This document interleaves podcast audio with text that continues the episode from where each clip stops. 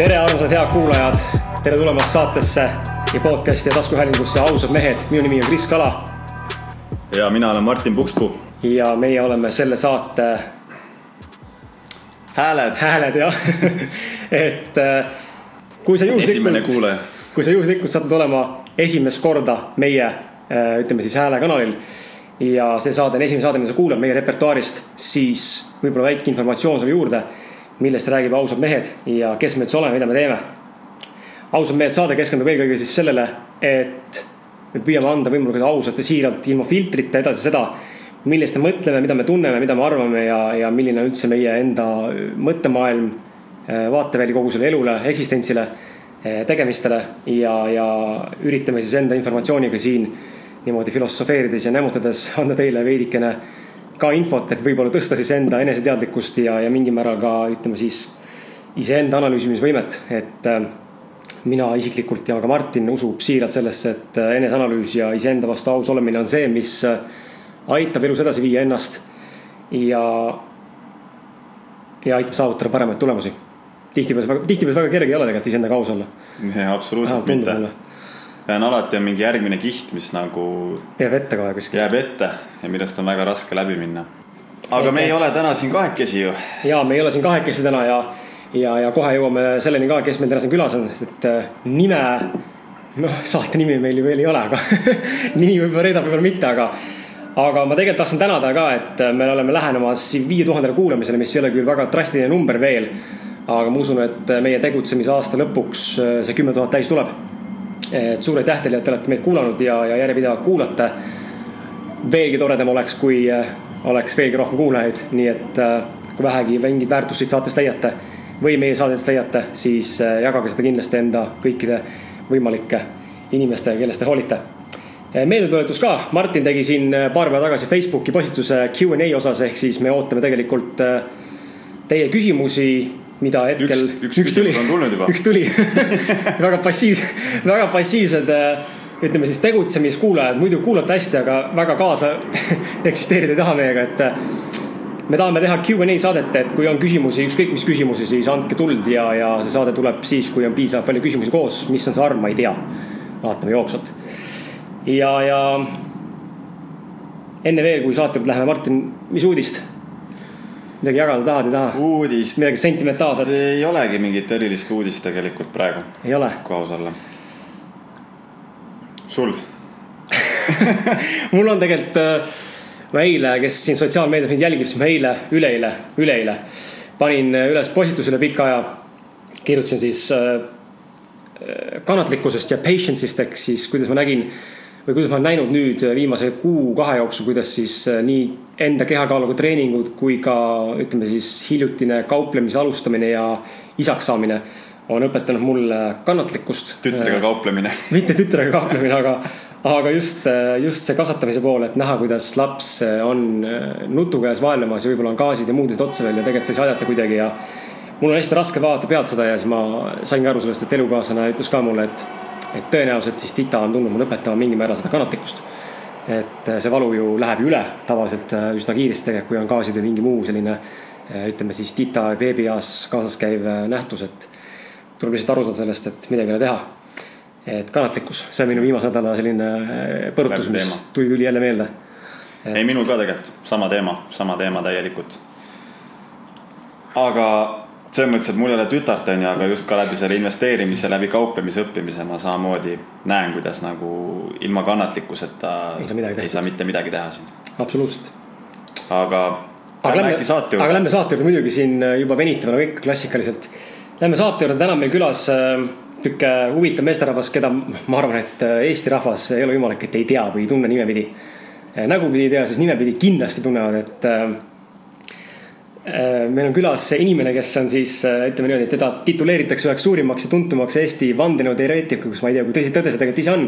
eks ta meile siin kohe valgustab, kas see on nii või ei ole. meediale meeldib ju silte panna külge inimestele. Äh, meedia meeldib silte panna, onju, et vandenõuteoreetik ja mina olen siin siiamaani veel noor kirjanik, kuigi vanust juba on piisavalt, et mitte noor enam olla, aga, aga, aga meediale paneb külje silte jah, ja tänane külaline samuti on loonud ka koomiksi Nokk onu seiklused, millest võib-olla põgusalt ka natuke räägime, et. ning samuti valmistanud ka ulmefilmi, mis paljastab erinevaid vandenõuteooriaid ja globaalset eliiti, kes siis tegelikult seda maailma juhivad ja. kui see nüüd tuli üllatusena, siis on, on see saade väga õigesse auku. aga, ja lisaks, mis ma ära mainiksin ka, et tänane külaline on siis saanud tema ise ja ka tema siis ettevõtmine Telegram on saanud siis skeptik.ee poolt kaks tuhat kolmteist aastal Umbluu preemia. nii et eh, tere tulemast saatesse, Hando Tõnumaa tere tulemast aitäh kutsumast, aitäh. väga lahe sissejuhatus, et eh, kui sa ütled, et kõik teavad seda kas nime või nägu, siis ma ise seda tegelikult ei taju nii suurelt üldse nagu. vahel vahel mul on sihuke tunne, et keegi ei märka mitte midagi, mis ma teen. Kui vahel ma kirjutan mingi artikli, mis minu meelest on kõige retsim artikkel ja ma näen, et see feedback on üliminimaalne, siis ma mõtlen, et ma ei saa üldse aru enam, mis toimub. ja samal ajal kirjutad midagi sellist, mis nagu on üle niimoodi noh, ütleme üle tilli tulnud enam-vähem, siis ja, läheb, räägib, peale, onju mhm, mhm. tõesti, see on huvitav, ma olen ka näinud seda, me oleme enda saate, enda saate puhul näinud seda, mõned saated, mis on sellised, et ossa raisk. nüüd tuli kõva saade. nüüd tuli kõva saade ja siis kuulatakse mingisugune sada korda, onju, et see on, tundub, et see on tõesti see, mis kõnetab inimest parasjagu mingil äh, eluetapil või siis hetke, hetke emotsioonil. ja et see, mis me ise seame mingisugused, mis see sõna siis on e, ootused või ei läks nii kokku, ühesõnaga alati ei ole nii, nagu tundub, aga noh mm -hmm., tegelikult vist ikkagi on väga lahe, väga lahe, et sa oled tegelikult siin, sest et me oleme pikalt tegelikult juba Martiniga, me oleme tegelikult põgusalt saadete jooksul puudutanud vandenõu teemat. kuna ma ise sellesse ka kunagi väga süviti süvenesin, viimasel ajal olen vähem sellega kursis olnud. ongi hea kuulata sind täna, et sa siin värskendad meie mälu, et -hmm. mis on muutunud, mis ei ole. et aga, aga ma näen, et meie saate kuulajad on ka sellised pigem hästi siuksed avameelsed ja, ja lahtise mõtlemisega, et kui vähegi julgust on, siis jumala eest no filter at all ja Aha. näita, mis sa tead. ja no ma ütleks ära, et äh, minu elu on ka muutunud väga palju viimase, ütleme siis äh, viie-kuue aasta jooksul, kus ma olen võib-olla avalikult aktiivselt nii-öelda vandenõude uurimisega tegelenud, siis äh, ütleme niimoodi, et minu jaoks on ma olen võib-olla läinud rohkem skeptilikumaks, kui ma olin vanasti, aga kui sa siin alguses ütlesid, ma sain selle skeptik.ee auhinna, siis ma ei ole sedasorti skeptik, nagu on see skeptik mm -hmm. seal. et äh, kui me räägime nüüd lihtsalt klassikalises mõttes, mida inimesed peavad skeptikuks, siis nad ütlevad, et skeptik on nüüd see, kes ei usu vandenõusi, piltlikult öeldes mm. -hmm aga mina olen nüüd sedasorti vend, et äh, ma olen hakanud skeptiliselt suhtuma absoluutselt kõigesse. ja tänu, tänu sellele ma olen avastanud asju või siis ütleme mõnede jaoks võib-olla vandenõusi, aga vandenõu on halb sõna, ütleme siis saladusi, mida võib-olla enamus isegi nii-öelda sedasorti uurijad kunagi ei puuduta. Nad ei jõua sinna sellepärast, et nad on seadnud enda jaoks mingisugused piirid ette mm. -hmm. aga kui ma hakkasin, ütleme viimased kaks aastat olen skeptilisemalt hakanud suhtuma mõndadesse sellistesse asjadesse, mida võetakse niivõrd ise iseenesestmõistetavana, siis ma olen avastanud seal asju, mille peale ma poleks elu sees uskunud, et seal on ka nüüd mingisugune kala okei, kala, Kris on ka seal. Kris, Kris on ka jah, jah, jah. aga, aga kas võib ka niimoodi öelda, et äh, lisaks uutele, ütleme siis avastustele, saladuste uurimistele võib ka nii öelda, et äh,. mul meeldib kasutada sihukest terminit, et vaimsusel ja vaimsusel on tegelikult vahe. et kas võib olla ka see, et, et ka vandenõul võib olla omakorda saaduslikum vandenõu, vandenõu milleni sa oled nii-öelda jõudnud mm. -hmm, võib ka nii öelda jah. sa lahkad a la, ütleme siin noh, toome näite, sa lahkad siin Osama bin Ladeni olemasolu.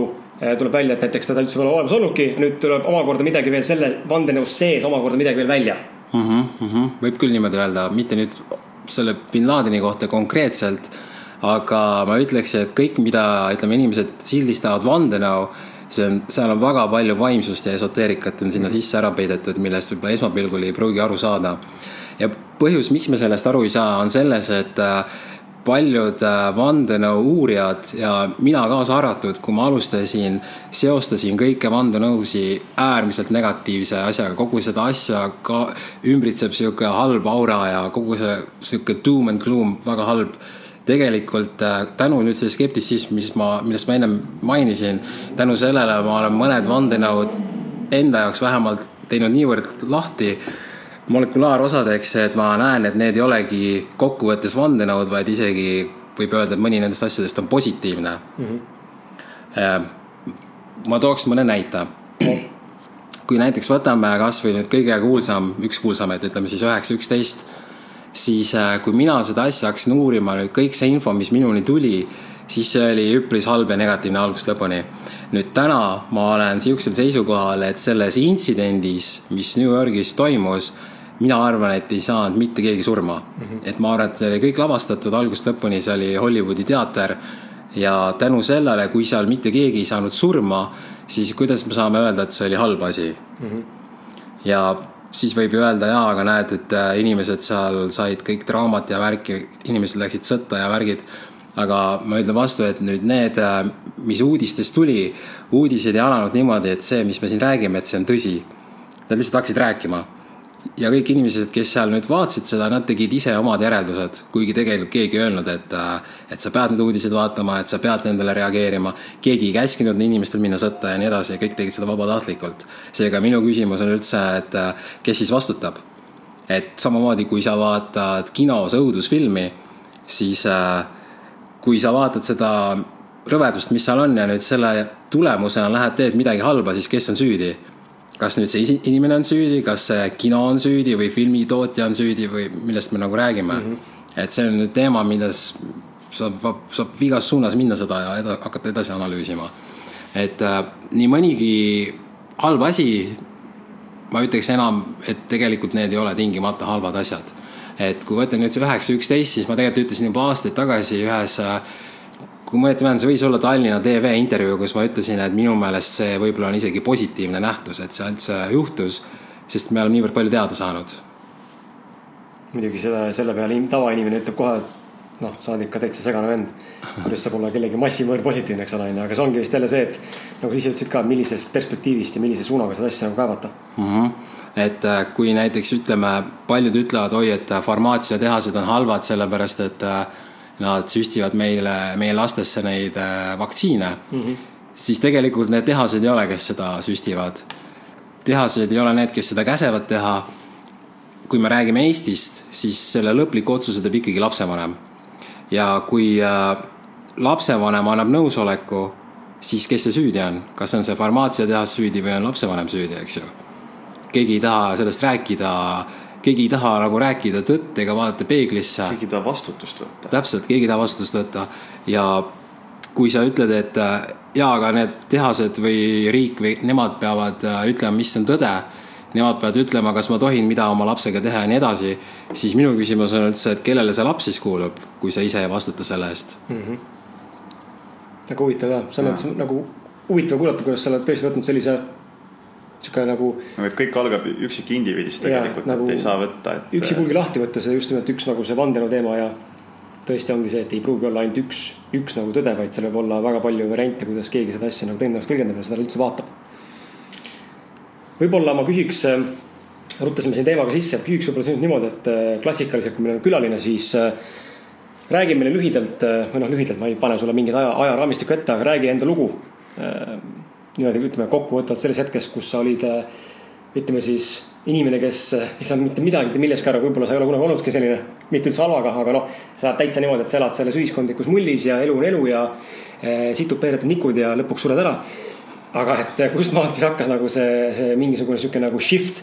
et sa hakkasid aru saama, et okei okay,, et siin on mingi vaimsus, siin on mingisugune vandenõud, siin on mingi maailmas midagi natuke pahasti.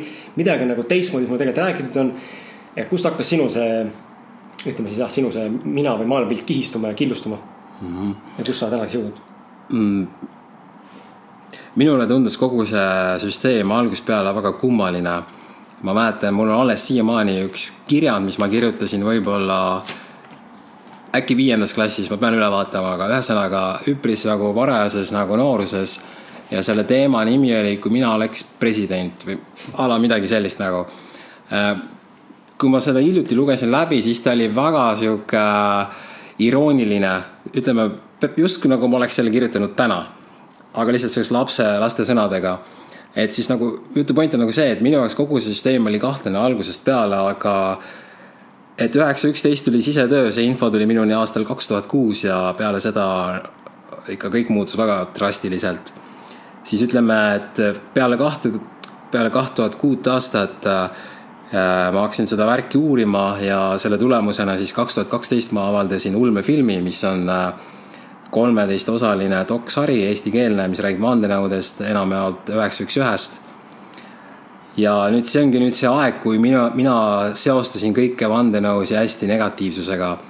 ja eks ma ise olin ka selle tulemusena palju negatiivsem, kui võib-olla ma oleks olnud ilma seda infot teadmata. Ja see on nüüd täitsa eraldi teema nüüd, kui rääkida üldse vandenõudest või saladustest, siis kas neist peaks rääkima. sest et äh, paljud nii-öelda jutumärkides tõekuulutajad ütlevad, et oo, et äh, kui sa saad ka teada sellest, siis su elu lihtsam ja nii edasi, aga tegelikult ma ei ole kindel, kas see elu tegelikult on selle võrra lihtsam, kui sa nendest asjadest tead. eriti veel siis, kui sa ei tea neid nagu lõpuni välja, kui sa seostad neid ainult selle halva ja negatiivsusega. ja nüüd ma ütleks jah, et kuskil viimased kolm aastat võib-olla mu elus on nagu toimunud selles suhtes täielik muutus, et ma olen hakanud nägema neid asju palju positiivsemalt. Äh, vaimsus kui selline tuli tegelikult äh, ütleme, vandenõud ja vaimsus käivad käsikäes, sest sellega koos kaasneb ju nii palju infot ka psühhedeelikumidest ja muudest asjadest, mis su teadvust avardavad ja toovad lahti veel uusi siis neid leveleid. et äh, ma ütleks, et mu lugu kõige põnevam on üldse praegu, kui ma näen seda positiivset kogu selle asja sees mm. -hmm. küsi äkki midagi täpsemalt, siis ma oskan öelda. tekkis küsimus või noh, tegelikult tahtsin täpsustada ka, ma mäletan sa mainisid väga huvitavalt seda sellepärast, et just seda fakti, et ma mäletan, kui mina olin selles, kui ma olin selles van, van, vandenõu valdkonnas sees ja ka uurisin erinevaid asju ja noh, nagu ikka, kui sa oled mingis informatsiooni väljas, siis sa hakkad paratamatult ligi tõmbama. sul tuleb rohkem inimesi, rohkem, ma ei tea, raamatuid, informatsiooni, mis iganes juurde. Muudkui seda infot tuleb sisse, sa hakkad aru saama sellest, et võib-olla see, ütleme piltlikult öeldes, sinu käsi on üks suur tõde, siis sinu iga viis näpp tähistab mingit eraldi valdkonda, mis tegelikult on ühe tõe nagu variatsioonid enda laiali paisatud, lõpuks hakkad sa pussitüki kokku panema. ja mingi hetk ma tundsin, et eh, nagu sa mainisid ka, et mingi hetk jäi selline mulje, et elu oleks tegelikult lihtsam, kui ma neid asju ei teaks mm. -hmm. nagu selle koha pealt, et nagu tegelikult ma olin lõpuks mingi hulluks minemas, ma tundsin nagu, et ma ei suuda enam ära handle ida seda. et kas ma olen tõesti ainukene debiilik, kes millestki üldse aru saab või ma olengi idioot. -hmm. et noh, mul juba tekkis selline tunne, et, et saad aru, kas maailm ei saa millestki aru või olen mina lihtsalt täiesti ajupestud vend ja ma olen täiesti segaseks läinud juba. sest et kohati oli see, kui see vandenõu tuli siia Eestisse niimoodi suuremalt mingi hetk oli väga popp ja see haik ja kõik need teemad. ja kogus muudkui hoogu on ju, et äh, see nagu täna, kui kellegagi räägid seratiividest asjadest või üldse valitsuse mingitest asjadest, inimesed on nagu rohkem avatumad mm. -hmm. kümme või ütleme viis kuni kümme aastat tagasi siin oli selline, et noh, hea, et sind üles ei poodud on ju, Tammsaare pargis et nagu kohati nagu on jah, mul ka selline mulje jäänud, et oleks olnud lihtsam, kui ma tollal ei oleks neid asju teadnud. sest et väga raske oli tegelikult suhelda inimestega ja, ja, ja ma tegelikult tahtsin küsida seda ka, kui aus inimene sa oled ja ma näen seda, et nii kui sa hakkad nagu ausalt rääkima sellistel ütleme aktuaalsetel või nagu tõesti selliste tõsiste teemadel ka vandenõud või üldse enda mõttemaja, enda avaldamine on ju, siis tegelikult väga palju. et see ausus ühtepidi on nagu hästi vabastav enda jaoks, sa olla see, kes sa oled, saad uskuda seda, mis, mis sa uskuda tahad. saad elada nii, nagu sa elada tahad, aga samal ajal teistpidi on see, et inimesed hakkavad ära kaduma. või siis hakkavad sind nii-öelda põlgama ja sind viltu vaatama, onju, ma kujutan ette, et äh, noh, juba puhtalt ulmefilmi ja ka Telegrami, ütleme siis asutamise või tegutsemise aastate jooksul kindlasti alguses, noh nüüd on võib-olla juba rohkem tolerantsem, vaadatakse, et teed head asja. aga juba alguses kindlasti oli seda, et vaadatakse, et no mida kuradit see vend teeb üldse no.. jaa, oli küll, oli küll. aga sellega oli see, et kuigi niimoodi paljud vaatasid, siis ma kuidagi sisemuses teadsin, et see, mis ma teen, on õige. ma, ma tundsin, et ma pean seda justkui nagu tegema. Ja selle tulemusena kindlasti mingid inimesed kadusid ära, teised tulid juurde. kokkuvõttes on niimoodi, et kõige õigemad inimesed alati sinu ümber ja selles pole kokkuvõttes midagi hullu. Äh, kui ma räägin nüüd sellest, et äh, mis ma olen nüüd avastanud, miks see asi minu jaoks on positiivsem, on selle, seepärast, et äh, ma esitasin küsimuse, kas on võimalik, et nüüd see süsteem, need tegelased, kes kogu seda pulli juhivad, et kas nad tegelikult on halvad. ja kui sa hakkad nüüd, kui sa oled endaga täiesti aus, siis tegelikult, kas meil on tõestusi, et see süsteemi juhivad halvad inimesed kui me võtame nüüd need suured vandenõud, nine eleven või mis iganes, siis äh, kui seal nüüd ei saanud keegi surma ja need, kes nüüd üldse mingisugused tapmised tegid, need olid inimesed ise, kes läksid sõdadesse, siis äh, süsteem ei olnud see, kes äh, tekitas selle halva asja mm. -hmm. Kui võtta mingisugune näiteks kuu peal käimine, mis on ilmselge lavastus, ma ei, ma ei tea, kui, kui kursis te sellega olete või kui, mis teie kuulajad sellest arvavad, ma ei kujuta ette, aga. kuu teemast võiks ka kindlasti rääkida. ma ei kujuta ette, mis nad arvavad, aga ma olen ka aru saanud seal, ma ei ole küll väga süviti läinud, aga ma olen ka veendumusel, et noh, ütleme sihuke. ma ei ole väga tõestused nagu enda jaoks leidnud üles netist, otsinud ikka veidi, olen kunagi ammu, aga ma olen aru saanud ka, et see ikka tundub pigem ikkagi olevat noh, et me reaalselt pole käinud tegelikult seal mm. -hmm. sest nad ütlesid, me käisime seal viiskümmend aastat tagasi, siis kui olid mustvalged telekad ja ja arvutid, mida nad kasutasid, olid nõrgemad kui viieeurosed mobiiltelefonid, mis võib putkast osta, eks ju. aga nad enam ei suuda sinna minna, nii nad ütlevad. Äh, kui vaadata nüüd seda kuumoodulit, mis äh, nii-öelda tuli raketi küljest ära ja siis nagu maandus kuu peale. kui me seda vaatame, siis äh, me näeme, et seal on kasutatud pappi, suvalisi mingeid pulkasi, mida võib seostada näiteks harjavarte või tolmuimeja torudega seal on kasutatud MacGyveri teipi ja fooliumpaberit. ning see pilt on meile esitatud kui tõestus, et inimene käis kuu peal. ja nüüd lähebki see asi huvitavaks nagu, et kui nagu küsida, et kas nüüd see foto oli nüüd see, mis tõesti äh, veenas inimesi, et, äh, et keegi kuu peal käis, siis see kindlasti ei olnud see. vaid see, mis inimesi veenas, oli see, et, et valitsus nõnda ütles. ehk siis tegelikult on nii, et äh, inimloomus on selline et, et üheksakümmend protsenti, võib-olla isegi rohkem, ütleme üheksakümmend viis protsenti inimestest usuvad, mida iganes valitsus ütleb, seal ei ole mitte mingit vahet, mis nad ütlevad, nad lihtsalt usuvad seda. ning see ei sõltu sellest, mis on sinu haridus, kas sa oled äh, rikkast perekonnast, kas sa oled võib-olla mõnest muust riigist, see ei ole üldse sellega seotud. lihtsalt mingil põhjusel teatud inimesed ei usu kõike, mida valitsus ütleb, aga enamus inimesed usuvad see on ka põhjus, miks me näeme teadlasi ja rikkaid ärimehi uskumas täiesti ilmselgelt lollust, mis me, mis sa vaatad peale, ütled, sa saad aru, see on nali. aga inimesed usuvad. nii, ja kuna nad seda usuvad, siis ja valitsus seda teab, siis selle tulemusena on nad jätnud meelega teatud siuksed tobedad äh, ütleme siis vihjed nende asjade sisse. näiteks kui me, kui räägime sellest kuu peal käimisest, nagu ma ütlesin, seal on MacGyveri teip ja foolium ja papp selle pildi kohe üles otsida. võta see pilt ette. see. ühesõnaga need, need, see, see piirkond, need on näha, et need on looklevad ja see näeb välja nagu papist oleks kirja, klambrimasinaga pandud kinni, eks ju. Need on mingid pulgad, siin on mingi must paber, siin on foolium, selle koha peal, kui sisse zoom ida, suurem pilt on netis olemas mm, -hmm. on näha, et seal on MacGyveri teip aga see näeb juba kaugelt täiesti jabur välja tegelikult. jah, nii nüüd see foto, mis me praegu vaatame Äh, sellest kuumoodulist, nüüd see asi peaks olema vaakumikindel. ehk siis ma küsin, et kas sa läheksid sellega näiteks, kasutaksid seda allveelaevana? kindlasti mitte, eks ju.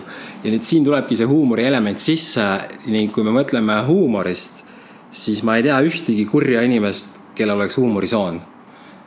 Nüüd see pani mind ka mõtlema, et kas on võimalik, et need maailma valitsejad siiski ei ole halvad. ja kui me nüüd läheme edasi, siis kui sa, võib ju küsida, et aga miks nad siis meile valetavad, eks ju. siis ma küsiks vastu, et aga mida sina neile valetaksid? äkki on võimalik, et äh,, aa, okei okay., siis võid vastu öelda, et aga ma räägiksin tõtt. aga ma küsin vastu, aga, aga mis see tõde on? me isegi ei julge tõtt rääkida omaendale, kui me süüdistame farmaatsiakartelle vaktsiinides, mida me ise paneme sisse.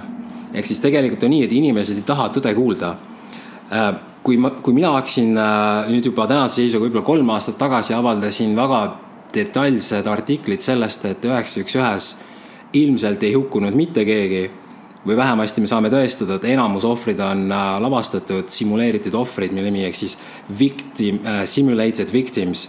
On olemas niisugune asi nagu VicSim raport, sa leiad Telegramist üles. avaldasin selle eesti keeles, kus on välja toodud kõik võltsitud hukkunud. kui ma avaldasin selle info, siis inimesed ei tahtnud sellest üldse mitte midagi teada, sest see tundus niivõrd out there nagu. aga millest me räägime, on see, et hukkunuid oli vähem, ehk siis asi on positiivne. Nad ei tahtnud seda teada. samamoodi, kui ma avaldasin tänase seisuga võib-olla kaks pool aastat tagasi pikad lood äh, tuumarelvade pettusest, tuumarelvi pole olemas, see on lavastus seda ei tahtnud ka inimesed mitte üldse kuulda nagu, et see vastukaja oli hoopis midagi muud, kui ma ootasin. siis ma sain aru, et inimesed tegelikult ei taha tõde kuulda. ja kui me nüüd räägime jälle nendest äh, kuu peal käimistest, kui küsida, et aga miks nad meile valetasid, et nad seal käisid, siis äh, vaatame seda teise pilguga. kui me räägime massidest, siis massid tahavad, et neil oleks olemas juhid. meie, kelle, kes me nagu analüüsime vandenõusid, me võime mõelda, et oo, et kui me kõik teaksime tõde, siis kõik oleks nii super ja ma teeks kõik asjad teistmoodi. ma enam ei ole selles niivõrd kindel, kuigi vanasti ma nõnda arvasin. täna ma olen päris palju saanud teada inimese loomusest ja massid tahavad juhte. Nad tahavad kedagi, kes seletaks neile ära kõik asjad, kuidas käivad. sest nad ise lihtsalt äh, ilmselt ei ole võimelised neid analüüsima. võib-olla nad ei saa rahu, teades, et kui nad ei tea, kus nad elavad, kui nad ei tea oma elu mõtteid ja nii edasi. aga kui on olemas keegi, näiteks valitsus, kes, äh, kus on väga targad inimesed, keda saab usaldada, kes teevad meie eest kõik asjad ära. kui see valitsus oskab Äh, saata inimese kuu peale, siis masside jaoks see tähendab seda, et on olemas niivõrd targad inimesed, kes suudavad saavutada absoluutse taseme tehnoloogias, nad suudavad minna teisele nii-öelda planeedile ja nad suudavad tõestada ära selle käigus, et gravitatsioon on olemas, et kogu see heliotsentrism, meie maailmamudel, nagu meile räägitud, vastab tõele. selle pulliga, et nad seal käisid, sa tõestad ära miks me siin oleme, kuidas me siia sattusime, suur pauk, kõik need ametlikud teooriad, evolutsioonid, kõik asjad saavad kinnituse selle asjaga, et me seal käisime. Ja nüüd, kui sa mõtled, et, et kui see, isegi kui see ei ole tõde, siis massid said sellega täieliku rahulduse. ning ma pakun välja variandi, et võib-olla niimoodi, et süsteem, kes seda juhib, ise ka ei tea, kuidas me siia sattusime. aga selle kuu peal käimisega nad annavad massile selle, mis annab massidele justkui äh, elu mõtte vastused väga mind-blowing, ma ütleks selle kõige peale. et sellise nurga alt nagu ei olegi seda mõelnud ja analüüsinud, et. Et just nimelt see, et ei ole tegelikult mingit, mingit suurt vandenõud meie vastu, vaid me ise inimestena oleme loonud, on ju, selle reaalsuse, kuidas me nii-öelda vajame, vajame, et kõik oleks meile seletatud, lahti mõtestatud ja lihtne, on ju, et meil oleks see mingi ilus muinasjutt, mida uskuda, et et jah, polegi nagu selle nurga alt varem seda mõelnud, et tegelikult me nagu, me ei suuda tõde vastu võtta. ja, et äh, hiljuti, ma nüüd muudan teemat äh,, hiljuti mõned kuud tagasi oli Eestis üks äh, raketiintsident, äh, kes siis ei tea, siis oli, tuli teade, et äh, Hispaania hävitaja lasi kuskil Tartu lähistel kogemata välja ühe raketi, mis oli lennuki küljes ja see rakett siis kuhugile lendas. see oli umbes sihuke teade ja mis oli veel, oli, et Tartu kandis kuuldi suurt pauku. nüüd minu jaoks tundus see asi algusest peale hästi kahtlane, ma hakkasin seda uurima ja nagu ma ennem rääkisin skeptitsismist, siis ma vaatasin kõiki asitõendeid, mis meile esitati läbi peavoolumeedia ja siis ma sain aru, tegelikult nad ei ole esitanud meile mitte ühtegi asitõendit. Nad lihtsalt ütlesid, et rakett lasti ja inimesed kuulsid pauku. aga kui ma esitasin enda jaoks küsimuse, kas keegi seda raketti nägi, kas radarid seda nägid, kas see rakett leiti üles, siis ma sain aru, et see kõik vastused nendele on ei. Ja siis ma saatsin kaitseministeeriumisse mm, küsimused, et palun öelge, kas äh, midagi, needsamad küsimused, eks ju, kas keegi neid nähti, kas teil on olemas tõestusmaterjal, et see on olemas. siis nad mulle ei vastanud. siis ma tegin ametliku teabepäringu, millele kaitseministeerium üldse, kõik riigiasutused on seadusega kohustatud vastama. millele nad ka ei vastanud, kuskil kaks kuud nad ei vastanud siis ma tegin äh,, vahepeal kirjutasin artikli, kus ma kirjutasin, miks ma arvan, et seda ei juhtunud, et kogu see asi on väljamõeldis ja inimestele ei meeldinud see. kuigi noh, seal oli ka palju likee, eks ju, seal tegelikult oli väga palju likee, üheksasada like'i, aga ma oleks eeldanud, et see asi läheb rohkem viraliks, sest et äh, üldse, kui sellest raketi intsidendist rääkida siis äh, väga paljud kommentaarid Postimehes, ütleme peavoolumeedias olid niimoodi, et äh, enamus inimesed ütlesid, oh ülikõva, et see rakett seal oli, et äh, see tähendab, et need need sõdurid on kohe valmis kaitsma meid ja nii edasi. aga, aga see, et võib-olla rakett oleks plahvatanud süütute inimeste peal või lennanud Venemaale, alustanud sõda, need olid nagu teisejärgulised, see nagu eriti kedagi ei huvitanud. ja me jõuame jälle siia, et inimesed, nad ei taha seda tõde. Nad nad pigem tahavad, mida valitsus ütleb ja kui siin ütleb ja nüüd, kui küsida, miks nad korraldasid selle raketiintsidendi, siis raketiintsident on väga hea põhjus, miks äh, öelda rahvale, et meil on vaja kaitsekulutusi suurendada, miks meil on vaja sõdureid ja lennukeid ja piirid kinni panna, sest et seal on, võivad igast asjad juhtuda kohe. ja inimestele see meeldib. praegu on mitu erakonda, mitte mitu, kaks erakonda Eestis vähemalt, kes taotlevad peale uusi valimisi äh, tekitada Eestisse relvastatud piirivalve, nii nagu oli Vene ajal. ja kui sa loed kommentaare, siis inimesed soovivadki seda. ja nüüd me jõuamegi jälle tagasi siia, et äh, vanasti ma tõesti arvasin, et tõe levitamine on nüüd see, mis nagu teeb inim-, inimkonnale head. ma en-, ma enam ei ole tõesti selles niivõrd kindel. ja see on ka nüüd põhjus, miks ma olen asju vaadanud teise nurga alt ja ma enam ei üritagi inimestele siis, kuidas öelda, tõde võib-olla nii väga levitada, ütleme siis nagu südameasjana, vaid minu jaoks see on võtnud teise suuna, et ma teen seda rohkem kui meelelahutus nii endale kui teistele. sest et tegelikult kõik, äh, on need vandenõud, on see vaimsus või äh, teleka vaatamine, see kokkuvõttes kõik on meelelahutus minu hinnangul. ja see ongi mu uus suund. väga huvitav jah, nagu selles mõttes, et haige nagu, haige nagu seda mõelda, et äh,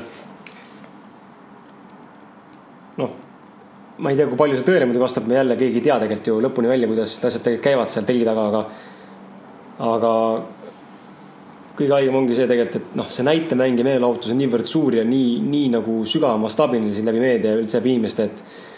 aga samal ajal kõik ju noh, seesama, seesama intsident, sõjaväge, sõjavägi ole, sõjaväe olemasolu ja sõjaväe kaitseressursside suurendamine ja nagu tekib küsimus mul alati peas, et nagu esiteks, kelle vastu me sõdime või keda me üldse kaitseme või nagu, et uh -huh. mida me kaitseme nagu selles mõttes, et kui noh kui rääkida isegi nagu selles mõttes nagu tänases võtmes, et okei okay,, on tõesti, oletame, et ongi sõjad riikide vahel ja see ongi, Putin tahab ära tappa siin eh, Trumpi ja nii edasi. Eh, siis on siin üks nupuvajutus ja ma arvan, et oleks kõik, kõik see kuradi maakera oleks siin, eh, ma ei tea, missugune onju. aga nagu, kui see kõik vastab tõele, aga siis samal ajal tekib küsimus nagu, et, et ongi see, et mida me nagu sõdime või nagu see on nagu nii absurd minu jaoks, ma isegi ei oska sõnastada küsimust, sest et ma saan aru sellest, et see on nii haige, et nagu kelle vastu me sõdime, mida me üldse kaitseme siin maailmas et see sõjavägi on ka, mis me oleme siin Martiniga mõned korra maininud ka, et äh, ei saa nagu aru sellest, kelle jaoks olemas on ja, ja mida seal üldse tehakse või, või mis on selle kõrgem eesmärk, et. noh, mina isiklikult ei ole sõjaväes käinud, õnneks või kahjuks. minuga muidugi õnneks, aga võib-olla ühiskonna kahjuks mm, -hmm. Eesti riigi kahjuks et sain selle vastuse, ma ei tea, kus sul, Hando, on, sa oled äh.... minul on nüüd väga naljakas lugu, et äh, minu jaoks oli sõjavägi täielik äh, bullshit, minu jaoks tundus täiesti mõttetu asi juba vara, väga varajases nooruses, võib-olla äkki kaksteist ma olin juba päris, vaatasin, et what the fuck nagu, see tundus täiesti mööda. ja minu reaalsuses ei olnud olemas sihukest hetke, sihukest nagu kohta, et mina kunagi peaksin sattuma sõjaväkke. nüüd nali on selles, et mu isa on ise kõva sõjamees nagu Kaitseliidu vend, tema tahtis mind alati sõtta nagu panna, eks ju. ja ma ka teadsin, et ma sinna kunagi ei lähe ja juhtus nii, et üheksakümnendatel aastatel me elasime Lasnamäel. siis äh, mingi hetk me kolisime südalinna ja siis oli sihuke äh, võimalus, et sa ei pidanud, sul ei olnud seadusega kohustatud inimesi kirjutama sisse kuhugile. nüüd selle nimel, et hoida kokku kommunaale, mu isa ei kirjutanud mind kunagi korterisse elama seega mulle ei olnud kuhugi saata seda kutset ehk siis ma ei olegi mitte kunagi ühtegi kutset saanud, et tule sõtta täitsa haige jah. ja, ja see tuli, ma ise arvan, et see tuli sellepärast, et ma olin oma reaalsuses juba otsustanud, ma mitte kunagi sinna ei lähe. ja selle reaalsuse tegelikult loonud. ma ise lõingi selle reaalsuse, täpselt. see oli üks nagu nüüd esimesi varajases nooruses äh, nagu minu enda reaalsusloome üks näiteid ja ma tean, et mu isa kindlasti tahtis mind alati, et ma läheks sõtta, aga tema tol hetkel ei mõelnud, et et see kutset ei tule, kui, kui ta mind sinna sisse ei kirjuta nagu täitsa haige tegelikult ju. tegelikult nii liht, lihtlabal asi selles mõttes tegelikult, aga, aga, aga töötab onju. et mina ei ole isegi sõjast eemale hiilinud nagu mõned mehed. siis pole kutsutudki. ei ole seda kutset saanudki täitsa haige. väga äge. ja muidu, mis puudutab sõjaväge, siis ma äh, nüüd noored, keda võib-olla sõjavägi hirmutab või kes ei taha sinna minna ma kirjutasin võib-olla nüüd juba kaks aastat tagasi, võin ajaga eksida, võib-olla aasta tagasi, artikli Sõjavägi ei ole kohustuslik. et keda see huvitab, siis leiate selle üles Telegrami lehelt. Äh, nüüd, mis puudutab nüüd neid, see raketi intsident, äh, nüüd taaskord see skeptitsism, mida me oleme hakanud äh, rakendama, selle tulemusena ma nüüd olen jõudnud nii kaugele, et ma üldse olen seadnud kahtluse alla, kas need raketid, millest nad üldse räägivad, kas need on võimelised lendama nii, nagu nad äh, re reklaamivad neid mm. -hmm. See rakett, mis nad ütlesid, et see veest kogemata tulistas. see pidavat lendav, olevat väidetavalt lendanud äh, kaheksakümmend kilomeetrit äh, nüüd ühe Eesti mingisuguse tähtsa sõjamehe sõnul. nüüd kaitsevägi ise ütles, et ta ilmselt põles kuskil ära juba lähedal. et see info on nagu erinev. ühesõnaga, üks ütles, et see põles ära, teine ütles, lendas kaheksakümmend kilomeetrit ja ametlikult nad peaksid lendama kuni sada kuuskümmend kilomeetrit. aga nendel raketid ei ole isegi tiibasid. seega minu küsimus on, kuidas ta õhus püsib? On olemas äh, mingisugused siuksed raketid, mis väidetavad äh, lendavad isegi tuhandeid kilomeetreid äh, ühelt kontinendilt teisele. telekast me oleme näinud, siuksed on olemas justkui nagu filmides. aga kuidas nad lendavad, kui neil pole tiibasid?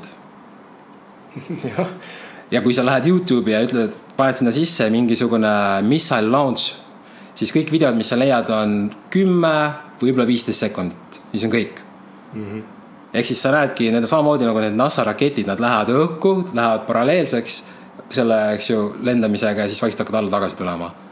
ja põhjus, miks see nii, ma arvan, on sellepärast, et need raketid füüsiliselt ei olegi võimalikud lendama ilma tiibadeta. see ei tundu mulle, ma ei saa aru, kuidas see oleks võimalik isegi. ma arvan, et see on täielik teatri algust lõpuni. kõik sõda, ma arvan, et sõda kui sellist ei eksisteeri.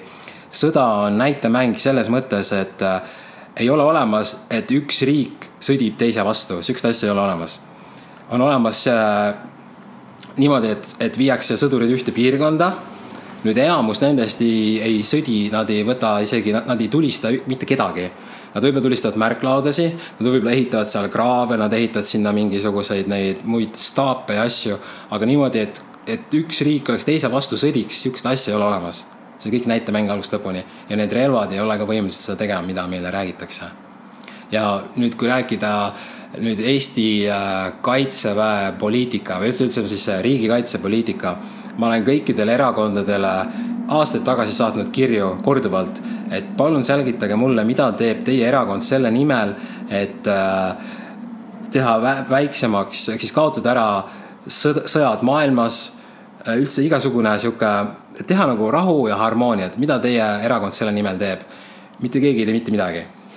mis nad teevad, on nad üritavad leida põhjuseid, miks see sõjavägi seal on, miks neid kaitsekulutusi suurendada ja ongi kõik.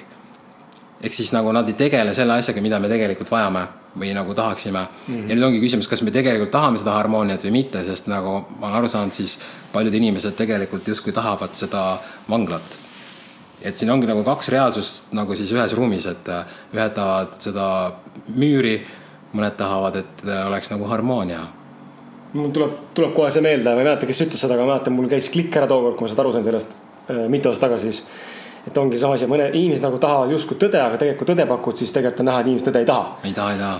aga see point ongi huvitav see, et inimesed nagu alati tahavad, et midagi läheks paremaks, midagi muutuks, onju aga samal ajal, kui sa hakkad pakkuma, siis nagu oleme rääkinudki sedasama tõde, siis inimesed on valmis sind, seda tõepakkujat ka tapma, et see vangla püsima jääks mm. -hmm. ehk siis me tegelikult, mulle tuleb meelde kohe see pilt, mis on sellest hobusest, et hobune on aheldanud äh, keset kõrbe lihtsalt puittooli külge. ja siis on kirjas, et hobune ei, ei saa paigast ära liikuda, sest et tool hoiab teda kinni aga üks puittool ei hoia hoopis kinni, onju, ehk siis inimestega tundub nagu sama asi ära, et me tegelikult iseennast nagu aheldame või nagu meid on niimoodi nagu manipuleeritud, kelle sigane poolt, kas siis nende olendite või, või tõesti inimeste või siis mingite muude poolt. niimoodi manipuleeritud, et me oleme ennast ise nagu psühholoogiliselt pannud sellesse vanglaplaneeti ja me ei tahagi lahti saada sellest. me nagu justkui tahame, aga samas me nagu ei taha, sest see on hirmus. et see vabanemine tundub olevat tegelikult nagu sihuke nagu hävitav veits mm. -hmm. aga mina näen nüüd esimest korda üle mitme aasta Äh, positiivset, äh, kuidas öelda mm,, mm, täielikult uut energiat siin vähemasti Eestis äh, levimas ja see puudutabki nüüd seda enesearengut. nüüd ehk siis seesama, millega ka teie podcast, millele on suunatud äh,. väga paljud äh, ütleme siis endised vandenõude uurijad on läinud rohkem enesearengu peale hetkel Eestis on näha väga palju enesearengu koolitusi, igasuguseid äh, seminare, väga palju raamatuid on ilmunud, loenguid, eks ju, värke. et see on nüüd täiesti uus äh, nähtus, mis nagu on läinud massidesse. loomulikult mingid vennad on sellega tegelenud aastaid ja alati, aga praegu on see läinud massidesse ning see on äh, väga positiivne nähtus. ja see ei ole vaata ju lihtsalt selles mõttes eneseabi nagu vanasti oli see, et mõtle suurelt, mõtle positiivselt. vaid tundubki, et see on nagu sihuke nagu self-analysis, nagu hästi eneseanalüüsiv on see mm -hmm. nagu läinud see, see, seesama nüüd see esoteerika või nagu see suund. et just analüüsime ennast, analüüsime enda mõtteid, enda käitumist, mis on maailmas tõde, mis ei ole tõde, mis on fake, mis ei ole fake, et hästi selline filosofeeriv võib-olla, õige, õige sõna ikka öelda mm. -hmm. ja üks asi, millest tegelikult võiks nagu rohkem rääkida, mis mina olen nagu aru saanud, üks mis, mis inimesi kõige rohkem takistab, on see, et meil paljudel, minul kaasa arvatud, me oleme olnud kinni ohvri mentaliteedis. sul on valik, kas sa lähed päevale vastu võitjana, juhina või lähed sa ohvrina. meil kõigil on hingehaavad ja et neid nagu ravida, sa pead loomulikult sellega tegelema. aga kui sa teadvustad, kuule, et äh, ma mõtlen nagu ohver selles olukorras. Nüüd, kui sa sellest, see on nüüd mu enda kogemus, kui ma sellest sain aru, et mul on sihuke ohvri mentaliteedi muster on sees, siis see muutis minu jaoks äärmiselt palju. ja ma sellest tuleb, ma kavatsen sellest rohkem rääkida, et äh, oma kogemuste pealt äh, kuidas nagu elu läheb ilusamaks. oskad sa tuua äkki või julged sa või tahad sa tuua äkki mõnda näidet, kuidas, kuidas sa nagu tundsid ära selle, et okei okay,, ma olen praegu see victim. et ma käitun ise nii, nagu ma oleksin ohver. no kasvõi see, et need vandenõud, et vanasti ma vaatasin, oi, et nad on nii halvad, nad, mida nad mulle teevad ja värgid. aga kui sa hakkad mõtlema, kas nad ikka tegelikult teevad seda mulle mina vaatasin telekat, kus see info tuli, mitte see juht, eks ju, ei teinud seda ja isegi seal telekas ma võtsin seda tõe pähe, keegi ei käske mul seda telekat vaadata, eks ju ja kui ma analüüsin need asjad lahti, siis ma näen, et tegelikult need asjad hoopis teistmoodi mm. -hmm. see ongi huvitav, meil siin kirjas on üks küsimus, et, et mis on sinu arvates ütleme, sihuke vandenõude isa, kõige suurem vandenõu üldse. minu meelest kogu selle jutuga sa oledki andnud vastuse nagu sellele, et tegelikult ei olegi mingit vandenõud, me ise, ise oleme loonud, on ju, kollektiivselt nagu sellise või meid on kuidagi aidatud nagu meid on aidatud luua seda kuidagi. et vandenõu ongi see, et vandenõud ei olegi tegelikult et see on nagu see minu meelest see siis nagu next level taipamine. jah, see ongi next level ja, et äh, me võime siin rääkida erinevatest suurtest siis nagu on, nimelt on ta siis pettus või mis iganes see on, ütleme heliotsentrism, mis ei vasta tõele. Äh, on see nine eleven või ajalugu. Äh, üks sõna, eesti keeles on sihuke sõna nagu pettus inglise keeles mulle meeldib rohkem kasutada sihuke sõna nagu hoax. et ta on nagu pigem sihuke nagu tüng, ütleme mm. -hmm et pettus juba see sõna on ju väga halva siukse energiaga. Kui rääkida nendest kõige suurematest äh, tüngadest, siis äh, mulle tundub, et see maatriks, kus me elame, et sellel ei ole piire ja ma arvan, et kui nüüd uurida ükskõik mis teemat, olgu need vandenõud, siis need vandenõud ei lõpe mitte kunagi ära sealt tuleb kogu aeg uusi peale, kuigi ma olen tõmmanud endal seda energiat palju vähemaks, suunanud sinna, ma olen vähem energiat suunanud vandenõudesse. isegi praegu tuleb ikka uusi väga huvitavaid teemasid peale ja see ongi ennekõike meelelahutus. Ja ma ei häbene, et see on endiselt minu jaoks meelelahutus ja ma neid ikkagi mingil määral uurin. aga kui nüüd tulla tagasi, mis on see kõige suurem vandenõu, siis ma arvan, et mida rohkem neid uurida, seda suuremaks see läheb et äh, nüüd ütleme kolm-neli aastat tagasi, kui tuli välja, et äh, heliotsentrism kui meie maailmamudel ei vasta reaalsusele siis see tundus äh, kõikide vandenõude ema, et maa on lame. nii, nüüd kõik ei arva, et maa on lame. Mina arvan, et, äh, et siin eksisteerib nagu üheaegselt äh, mitu erinevat mudelit. täpsed mudeli kujud pole teada, aga ma näen, et me näeme ilmselgelt liiga kaugele ehk siis see, mida me saame kontrollida, on minu jaoks ilmselgelt lame, ehk siis nagu flat earth mm. -hmm siin on asju, mida me ei oska ära seletada ja siin on ka nüüd sihuke variant, et kui, mida rohkem inimesi tuleks nagu üle selle peale, et maa on lame, ehk siis energeetiliselt see teadvus suureneb, siis ma arvan, et seal võib ka tulla välja ja me saame kõik asjad teada, kuidas see süsteem töötab. praegu niimoodi, miks, miks massid usuvad, et me elame pöörleva palli peal ja ta justkui nagu toimib ka, teadlased usuvad ka seda, on sellepärast nii paljud sinna usuvad kui nad tuleksid üle, siis läheks täielikult see flat earth mudel käima. praegu flat earth'is pole mudelit äh,. Aga ma arvan, et äh, siin võib-olla otsest mudelit ei olegi olemas. et see maatriks on lihtsalt niivõrd äh, mitmekülgne. kui nüüd uurida veel edasi, edasi, edasi, siis ma arvan, et siit tuleb kogu aeg uusi asju peale äh,. ma toon teile näite, et hiljuti on tulnud minu siis teadvuses teadmine ajaloopettusest. Ma ei tea, kui palju te olete sellega kursis, ma korra, jah, korra küsin, kui palju te teate ajaloopettusest? Sõltub, mis sa täpselt mõtled praegu seal. et kui kaua me oleme siin eksisteerinud? seda ma olen väga vähe uurinud. jah, et äh, on olemas nüüd äh, ametlik ajalugu, kes ütleb, et inimkond on siin olnud võib-olla ütleme viis kuni kümme tuhat aastat mm. siis on olemas siuksed justkui alternatiivuurijad, keda peavool surestab nagu, ma ei hakka nimesid nimetama, aga on mitmed siuksed keda nii-öelda vandenõutüübid nagu push ivad ja usuvad, kes ütlevad, oo, et inimkond on siin olnud miljoneid aastaid ja püramiidid on veel vanemad ja veel vanemad, siis nüüd, äh, kui nüüd rakendada taaskord seda skeptitsismi, siis me näeme, et tõendid nendele asjadele on palju uuemad. et näiteks, äh, kui võtta piibel, siis äh, öeldakse, et piibel on tuhandeid aastaid vana, aga kui sa nüüd hakkad uurima, et kuskohast piibli tekstid pärinevad, siis tuleb välja, et need avastati ühest prügihunnikuist umbes sada viiskümmend aastat tagasi kui võtta Egiptus, meile öeldakse, et äh, püramiidid on tuhandeid aastaid vana, aga sihuke nähtus nagu egiptoloogia on ainult natukene üle kahesaja aasta vana. ehk siis kuskil kakssada kolmkümmend aastat tagasi ei, justkui nagu ei teadnudki isegi, et püramiidid on olemas. ehk siis nagu mulle tundub, et kogu see reaalsus võib olla ainult kolmsada aastat vana ma saan aru, kui kummaliselt see kõlab, aga kui sa hakkad uurima, kõik, võtad kõik antiik-Kreeka, võtad äh, Platon, kõik need tegelased sellest vanast ajast. Kui sa nüüd võta näiteks Vikipeedia lahti ja hakkad seda uurima, kuskohast see info pärineb, siis need kõige vanemad raamatud on võib-olla sada, sada viiskümmend aastat vana. ja nüüd kõige uuem, kõige vanem raamat, mis sa leiad, seal ei ole isegi kirjas, kust see tuli. lihtsalt justkui meile anti see mm mingi hetk. huvitav, aga siis nagu, et kohati nagu tekkis siin selle, selle eelmise jutu juures ka see, et äh, kogu meie reaalsus tegelikult on ju noh, tuleb välja, et kogu meie reaalsus on tegelikult siis ju puhtalt kollektiivse perspektiivi küsimus. et justkui sihuke nagu kokkuleppeline, me oleme nüüd kokku leppinud, et noh, a la, et siin on vandenõu, a la, et maa on ümmargune või maa on lapik. ja, ja seal, kus on siis ütleme siis inimese perspektiiv või siis ütleme siis noh, see sõna, see usk on ju, et me usume seda mingit teooriat on ju, siis nagu selle kaal, siis kaalukauss nagu sinna kukub ka. et reaalsus nagu justkui püüan siis sõnatada, et reaalsus justkui nagu igas ajahetkes äh, on võimeline muutma reaalsust vastavalt sellele, mida keegi usub.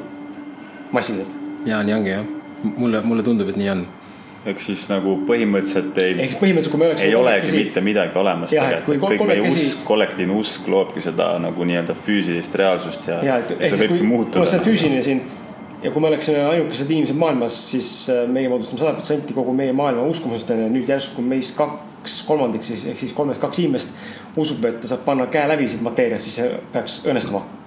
teoorias. teoorias jah.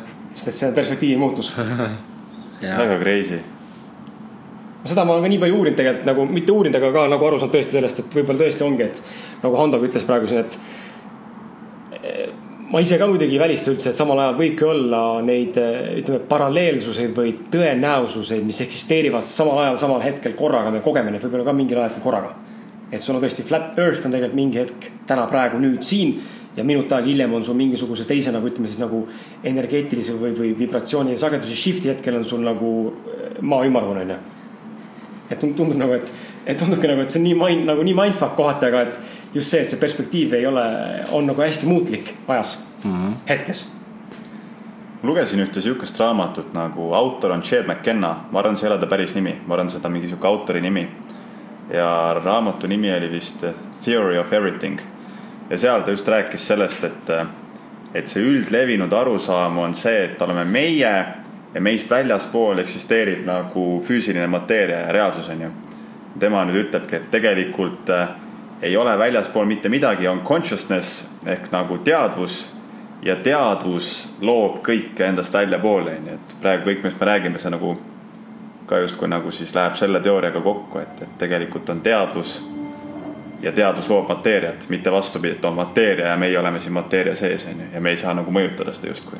vaata, see, sa ju, Hando, tead ka Arvo, Arvo Soometsa mm. -hmm. tema ju tegeleb kvantfüüsika ja selle reaalsusloomega. vaatan, kuidas ta nagu selgitas väga huvitavalt seda, kuidas et ongi see, see, mida sa nagu ei vaatle, ehk siis observe või siis nagu vaatlema on ju, seda nagu ei eksisteeri mm. -hmm. ehk siis kõik, mis praegu tegelikult on minu kukla taga, Martini kukla taga ja sinu kukla taga, siis seda ei ole olemas seni, kuni sa sinna vaatad, siis ta hakkab eksisteerima, ehk siis meil on ikkagi tegelikult noh, et ongi, et siis ta, minu selja taga nii-öelda, kui ma sinna ei vaata, on olemas miljoneid võimalikkuseid ja tõenäosuseid ja paralleelsuseid, mis manifesteeruvad just sel hetkel, kui ma sinna vaatan, just selles võtmes, mida ma usun. jah, sellest räägib, see on nüüd see, nagu sa ütlesid, see kvantfüüsika, et on olemas sihuke asi nagu Youngi katse eesti keeles, aga inglise keeles on double slit experiment, kus nad tulistavad neid, on need siis molekule molekule, eks ju, sealt vastu seina läbi selle mingi raami või mingi augud panevad ette ja kui sinna paned kõrvale kaamera, siis ta hakkab teistmoodi neid tulistama, eks ju mm. -hmm. et nüüd, kui, et, et kui tekib vaatleja, siis tekib ka see. reaalsusmuutus. jah, eks ju. nüüd ainus asi, mis ma ütlen siia vahele, et ma ei ole isiklikult seda katset teinud. et ma nüüd sada protsenti ei usu, et see on olemas nagu mm, -hmm. kuna ma nüüd ma lähen väga skeptiliselt igale poole. aga noh, see on nüüd üks teooria. äkki peaksid tegema Telegrami äh, sellise reaalsuse muutmise nihke, vaatlemise katse tulemus. ja ma olen mõelnud, et seesama see Youngi katse, millest nagu räägitakse, kvantfüüsika, et selle võiks reaalselt ise ära teha. et siis ma saaks aru, kas see nagu on, on reaalselt olemas või ei ole mm. -hmm.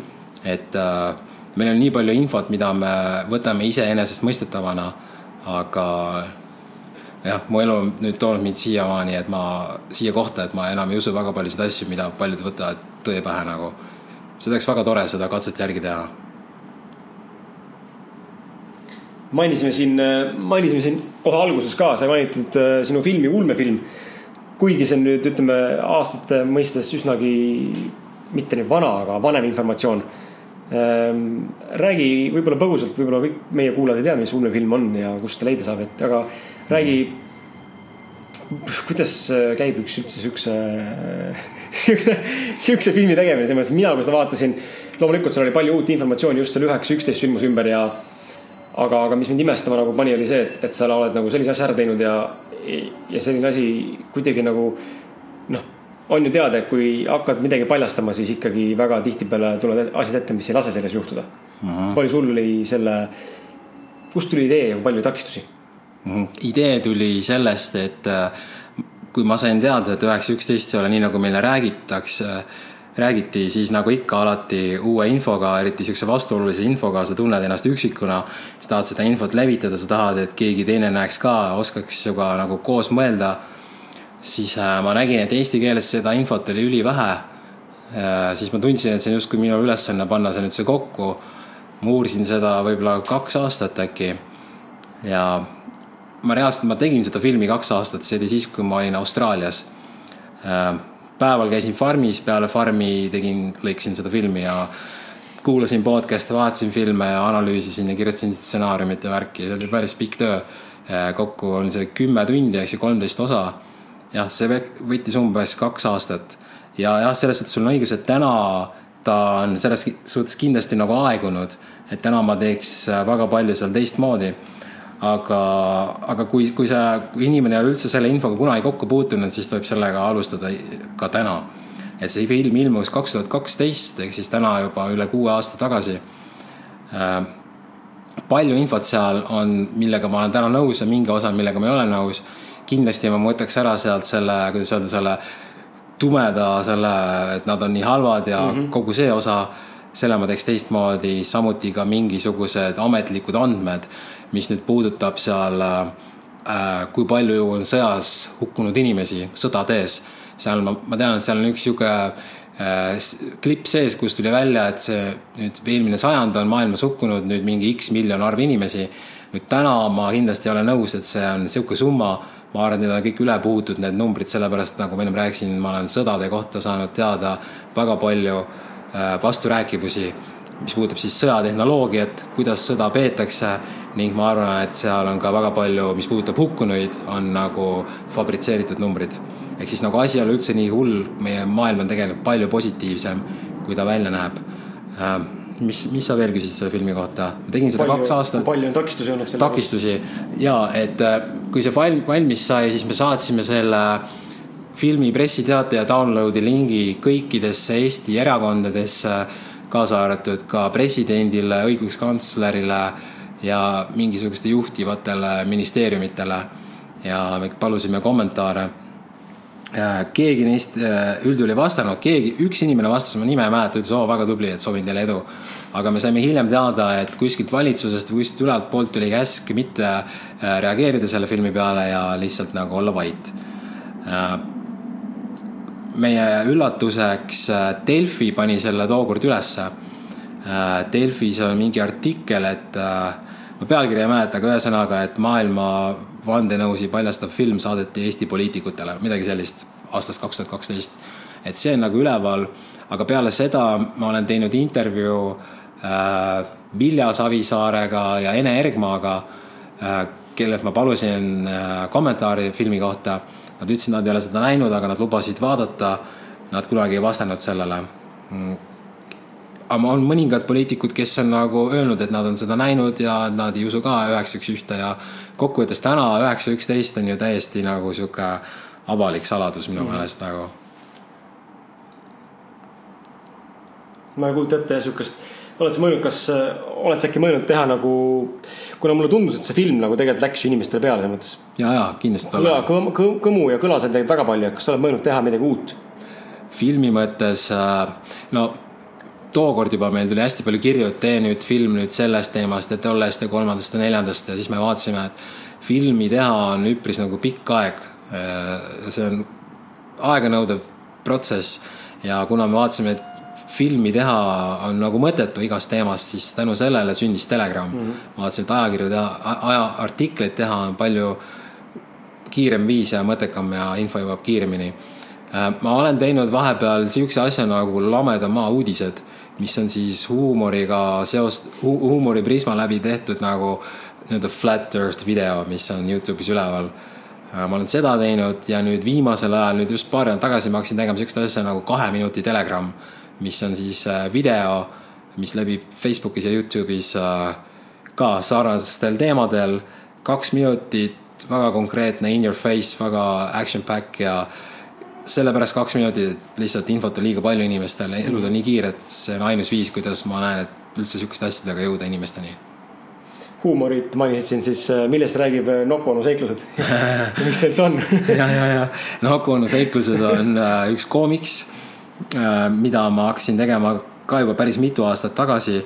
seal on ilmunud neli hooaega Äh, viimasest hooajast on praegu kuskil kolm aastat möödas, et äh, mul on praegu paus peal, ma ei ole jõudnud sellega tegeleda, aga ma olen infot või ütleme, ma neid naljasi kirjutanud üles hästi palju, et mul on praegu mitme hooaja materjal koos, kui oleks vaja avaldada.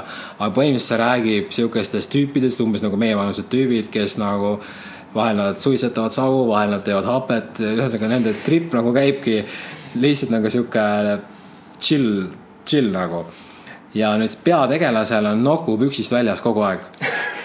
ja siis nagu nali on selles, et, et inimesed ei näe, et tal see väljas on. ja siis ma nagu seostasingi, tõingi nagu paralleeli sellest, mis maailmas toimub, et mingid asjad minu jaoks on nii retsilt in your face, aga inimesed teevad nägu, et nii ei ole.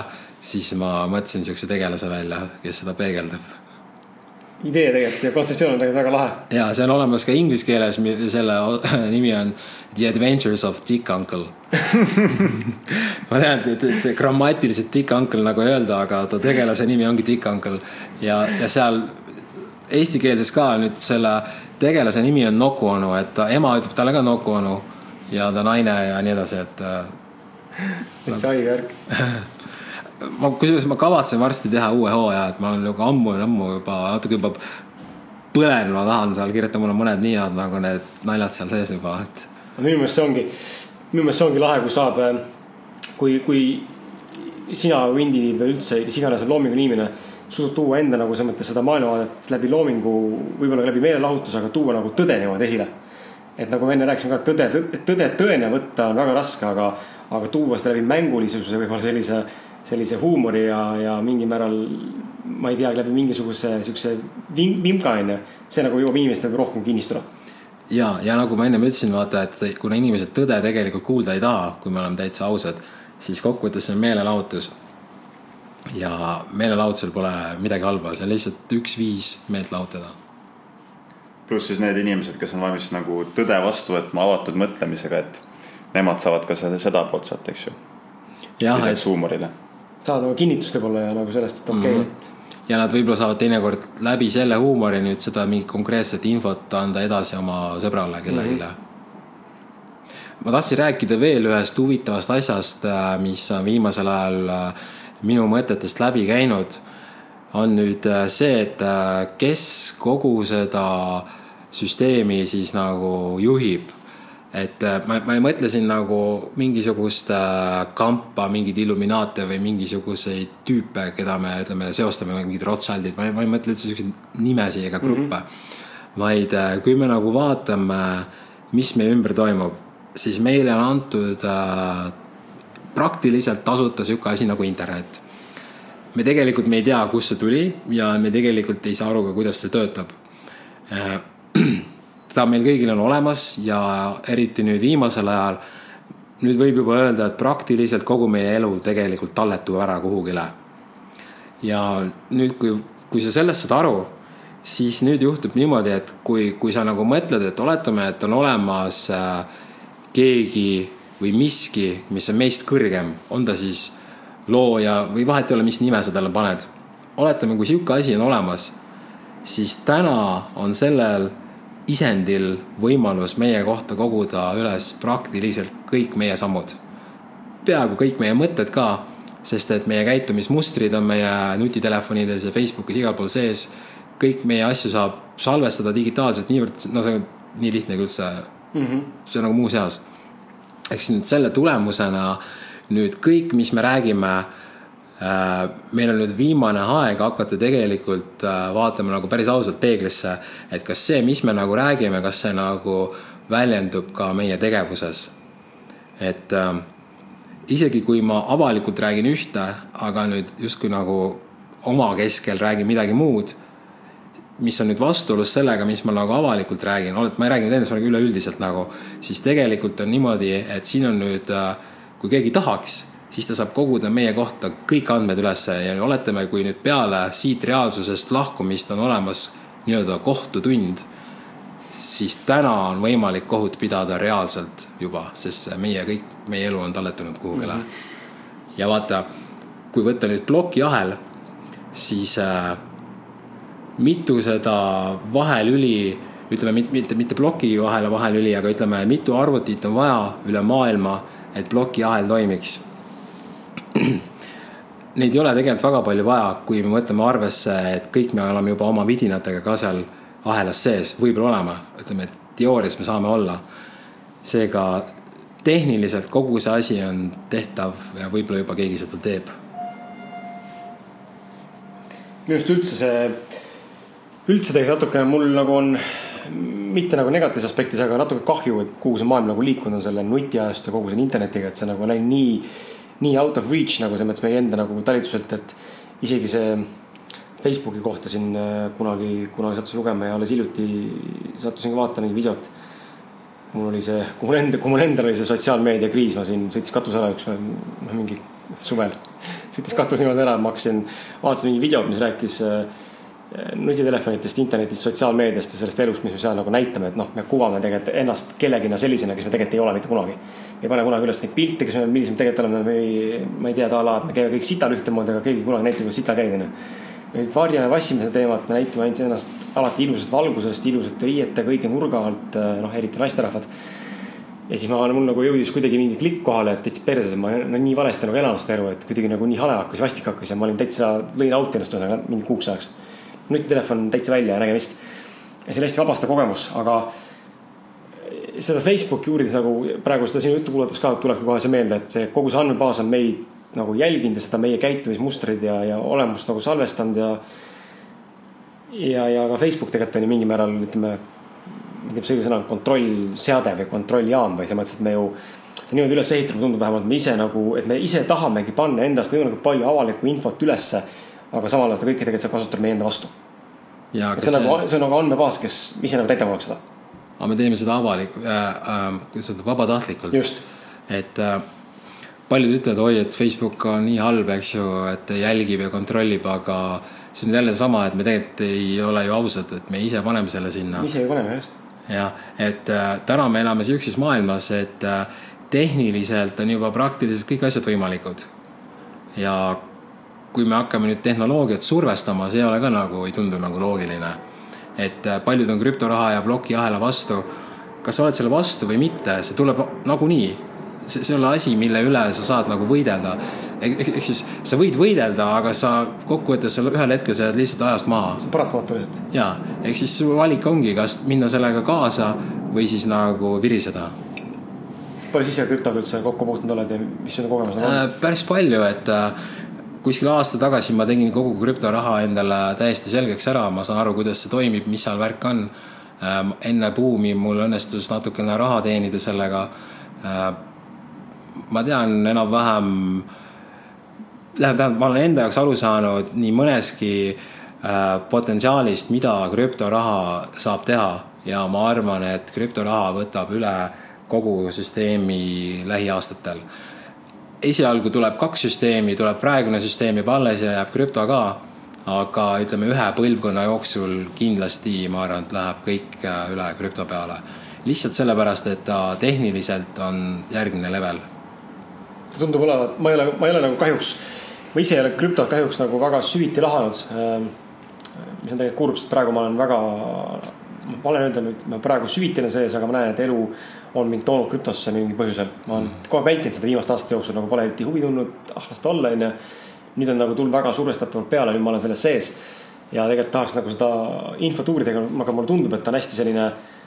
et ta on tegelikult kõvasti lihtsam kui see süsteem, mis meil tegelikult praegu on. kuigi see, kui sa hakkad kirjeldama, kuidas see nagu ploki ajal töötab ja see tundub nagu keeruline olevat võib-olla inimese alguse jaoks, aga mulle tundub, et see, see end result on tegelikult nagu palju lihtsustatud versioon ta on kindlasti mugavam, sellepärast et äh, läbi plokiahela me saame teha kõik ülekanded äh, sekundiga, sõltumata sellest, kas on nädalavahetus või mitte, kui kaugel keegi on, mis pank kellelgi on, sellel ei ole mitte, mitte mingit vahet enam. ja lisaks ei ole ka teenustasusid. või noh, seal on, aga need on niivõrd minimaalsed, need on, praktiliselt sa ei näegi neid mm. -hmm. ja see, see ongi põhjus, miks ta tuleb, see on põhjus, miks selle vastu ei saa. et äh, praegu on üldse niimoodi, et nii mõnedki suured korporatsioonid on juba äh, krüptost huvitatud, sealhulgas ka Facebook, et meil tuleb lähipäevil sellest artikkel ka. ja, ja hetkel on, äh, vaata see buum oli aasta tagasi või eelmise aasta siis aastavahetuse paiku oli see täielik lagi. Äh, praegu on see peale mulli vaata, kõik langeb ja siis jääb ta seisma. ehk siis nüüd on ta sinna seisma jäänud, ta ilmselt enam rohkem ei lange, et nüüd praegu on just see väga hea aeg tulla nagu krüptosse sisse, kellel on huvi. sest ma ise olen ka just nagu sellele aru saanud sellest, et tundub, et see ennustatakse nagu uut mm -hmm. sihukest kõrget, ütleme, pauku jälle. jah, sest nüüd, mis peaaegu aasta aega, mis oli madalseis, samal ajal on ju kogu tehnoloogia retselt edasi arenenud mm. -hmm. et äh, kuigi hinnad on väiksemad kui siis, nüüd tehniliselt asi on teinud väga suure hüppe juba väga põnev on see krüptomaailm jah. kas sa hetkel ise ka kaupled krüptoga või omad münte või, või hoiad või? ma ei kauple, aga mul midagi on ja ma hoian nagu silma peal mm. -hmm. ja krüptoga on niimoodi, et äh, seal on sihuke krüptovanasõna, on nagu kaks krüptovanasõna, üks krüptovanasõna on see, et äh, krüpto, mis ei ole sinu rahakotis, ei ole sinu krüpto. ehk siis, kui sa hoiad kuskil seal kauplemisplatvormis. teine on see, et äh, pikaajalised investorid teenivad kokkuvõttes rohkem kui lühiajalised treidijad mm. -hmm. väga põnev, väga põnev krüptod jah. Äh, minnes tagasi korra selle eelmise või nagu selle saate ütleme üld selle teema juurde, siis mind tegelikult ennast huvitab täiega, sest et see on nagu minu elu väga palju mõjutanud viimaste aastate jooksul ja, ja üleüldse läbi, läbi enda selle isikliku enesearengu etapi kui palju on sul äh, kogemusi olnud ja, ja kas sa julged neid ka jagada, mingeid üksikuid siukseid nagu värvikamaid, äh, ütleme siin esoteerilisel tasandil, vaimsel tasandil, ufodega, ma ei tea, kummitustega, sihukestest energiate asjadest, kas sa oled äh, astraaltasandeid?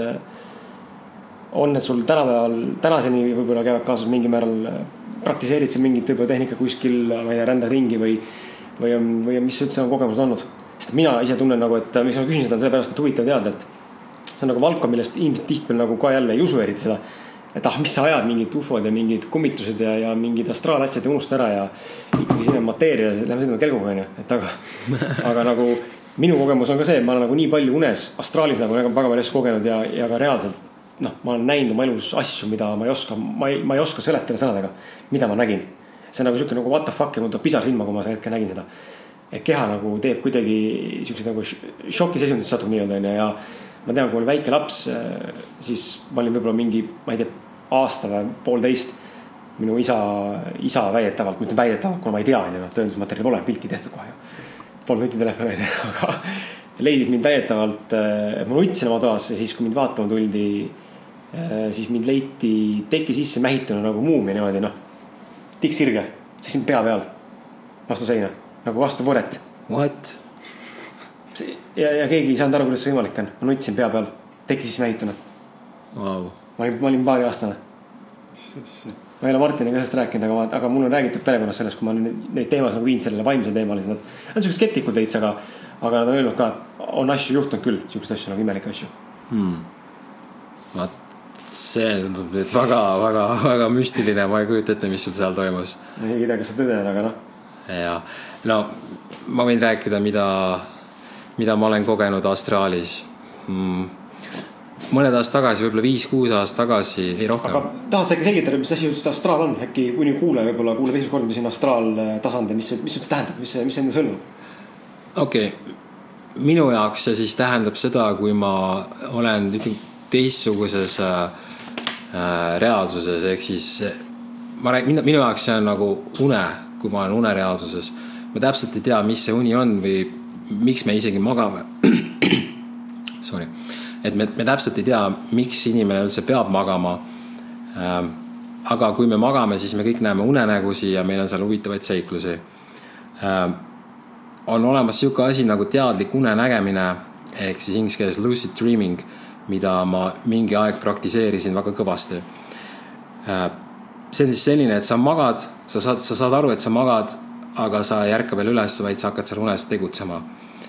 nüüd see tundus mulle äärmiselt põnev, sellepärast et äh, ma sain aru, et ma saan teha ükskõik mida. ma saan lennata, ma saan manifesteerida endale mingeid sportautosid. ükskõik, mis ma tahan, ma saan seda teha ja ma saan teha kõike üle võlli ja ma tean, et ma ei saa viga, sest ma olen unes.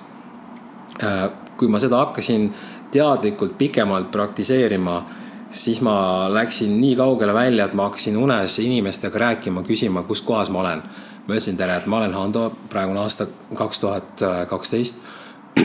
Sorry, mul on natuke, äkki ma saan natuke vett mm -hmm.. ühesõnaga, mina viisin oma selle teadliku une nii kaugele, et kui ma hakkasin seda pikalt äh, praktiseerima, siis ma suutsin unes äh, hakata inimestega vestlema. ma läksin kellegi juurde, ütlesin tere, mina olen Hando, aasta on kaks tuhat kaksteist äh, minu reaalsuses, et palun ütle, kus kohas ma olen praegu siis äh, mulle tuli erinevaid vastuseid, keegi vahel öeldi, et äh, meil on aasta kaks tuhat viissada, mõni ütles, meil on tuhat kolmsada, aga kunagi ei tulnud nagu minu jaoks nagu sihuke selge vastus, vaid ta oli alati hästi kummaline, ta oli väga sassis kogu see asi. Äh, mõned ei saanud aru, et millest ma nagu räägin, mis mõttes sa oled teises ajas või, või mis mõttes sa magad, et räägi täpsemalt. siis ma ütlesin, vaata, ma ei tea, mis asi see on, et ma tean, et ma füüsiliselt magan seal, kus iganes ma olen. aga siin ma saan teha ükskõik mida ma võin näiteks lennata, siis ma tõusin õhku inimeste keskel ja siis kõik hakkavad vaatama, vau, kuidas sa seda teed. siis teen seal tiire ja lendan ja ütlesin, näe, ma saan siin kõike teha. aga ma ei saanud kunagi õiget vastust, mis asi see on. üks asi, mis ma sain aga aru, oli see, et nüüd selles unes ehk siis mina, mina nimetan seda astraal äh,. elektroonilised vidinad ei tööta ma ei saanud telefoni kirjutada märget, ma ei saanud mingit telekat käima panna, ma ei saanud tulesi kustutada või käima panna aga seal vahel olid siuksed olendid, kellele ei meeldinud see, mida ma teen.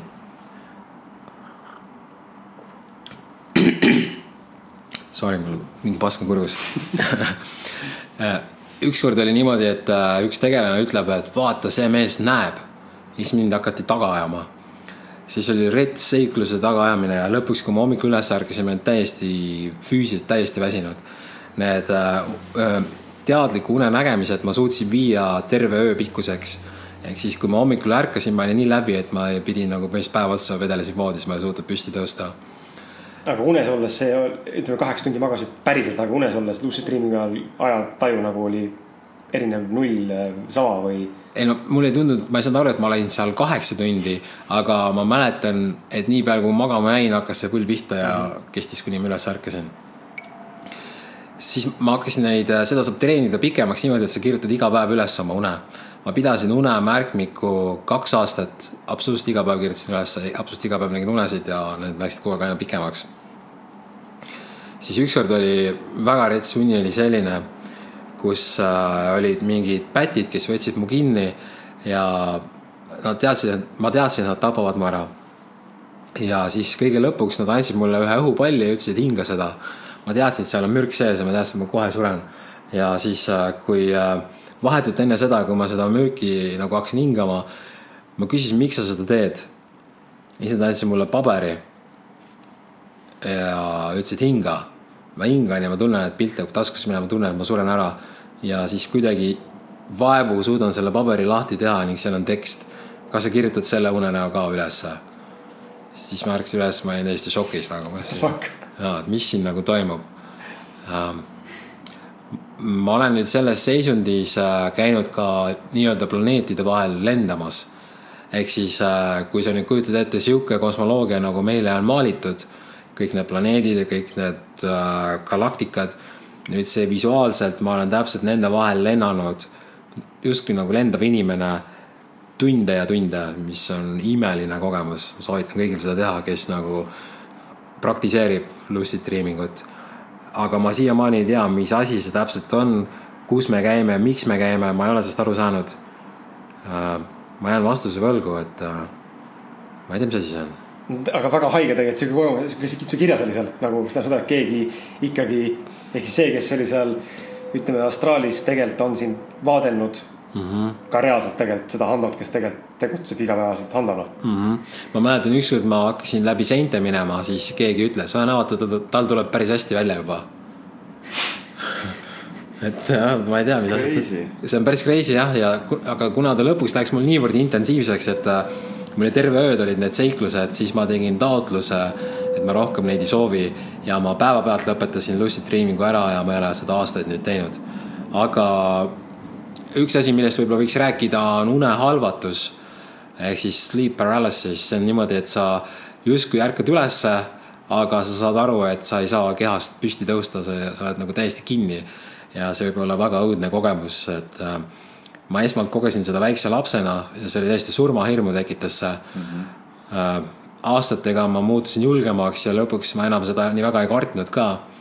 ja ma suutsin isegi seal olla niimoodi, et ma tulin sellest halvatusest välja niimoodi, et ma hakkasin tegema lucid dreaming ut. aga see unehalvatus on nagu sihuke negatiivne, ta on nagu luupaine, eks ju. ja ma saan aru, et ta tuleb mul siis peale, kui ma olen nagu väsinud, kui mu energia on maas, kui ma olen liiga kaua pidutsenud või liiga vähe maganud või mingit jamaga tegelenud. siis seda tuleb. seda ei ole mul aastaid olnud nüüd huvitaval kombel, ta oli esimest korda üle mitme aasta, mõned päevad tagasi. siis on niimoodi, et äh, ma ärkan justkui öösel üles, aga ma tunnen, et ma ei saa liigutada. ja siis äh, proovin sealt välja rabeleda, rabeleda, kuidagi ei saa ja ma saan aru, et keegi hoiab mind kinni, mingi olend siis ma saatsin ta kuu peale hästi, sõimasin, saatsin täiesti igasse kohta. selle tulemusena tüüp võttis mu haardesse veel retsimalt niimoodi, et ma olin täiesti nagu ülirets oli olla nagu, nagu ta väänaks mind pooleks. ja siis äh, põhimõtteliselt ma palusin oma partnerit, et äh, palun tule mulle appi nagu selles astraalolendis äh,, äh seisundis mm. -hmm. siis ma sain vabaks. aga ma olengi lugenud äh,, et kui sa kutsud appi inimese, keda sa armastad, keegi, keda sa usaldad ta võib olla su päris sõber või partner või ta võib ka olla sinu jaoks jumal, see ei ole oluline, keegi, keda sa usud, sa saad öelda, et selle olendi nimel mine siit ära, lase mind lahti, ma ei luba sul siin minu ruumis olla. sellest saab lahti, aga jälle, mis asi ta on, ma ei kujuta ette, aga ma arvan, et enamus meist on seda kogenud. see on hea, ma olen ka väiksena, mul oli seda väga palju, see oli alati samamoodi nagu mega hirmus. no samamoodi vanemaks sain, siis ma nagu õppisin natuke nagu lõdvestuma, sinna tekkis see kogemus, et see niikuinii mingi hetk läheb üle. ma mäletan ka üks mingi aastate tagune kogemus, kus ma nagu lõdvestusin ja üritasin nagu aru saada, et mis see on. mul oli sihuke tunne nagu mingi, nagu mingid kõrgtehnoloogilised äh, olendid oleks ruumis, sest ma kogesin, kuulsin nagu mingeid siukseid helisid, mingeid siukseid vibratsioone, mida nagu siin kuidagi reaalsuses nagu igapäevaselt ei koge. nagu väga, väga sihuke mindfuck, väga creepy oli, et see on haige, seda mainib praegu, sest et mu elukaaslane on mulle rääkinud, minu ajal ta ei ole kogenud seda asja õnneks, aga kahjuks, õnneks. kahjuks. õnneks pigem. õnneks pigem vist, sest ikkagi seal ikkagi ma arvan, ma arvan, selle unehalvatuse juures ikkagi on seotud mingid olendid. mingi asi tuleb kas siis kuskilt ikkagi ilmub läbi siia ilma. ja, ja ta rääkis mulle, kuidas tema on ka olnud niimoodi, et tal on ühikas olnud kunagi, kui ta õppis äh, ühes koolis.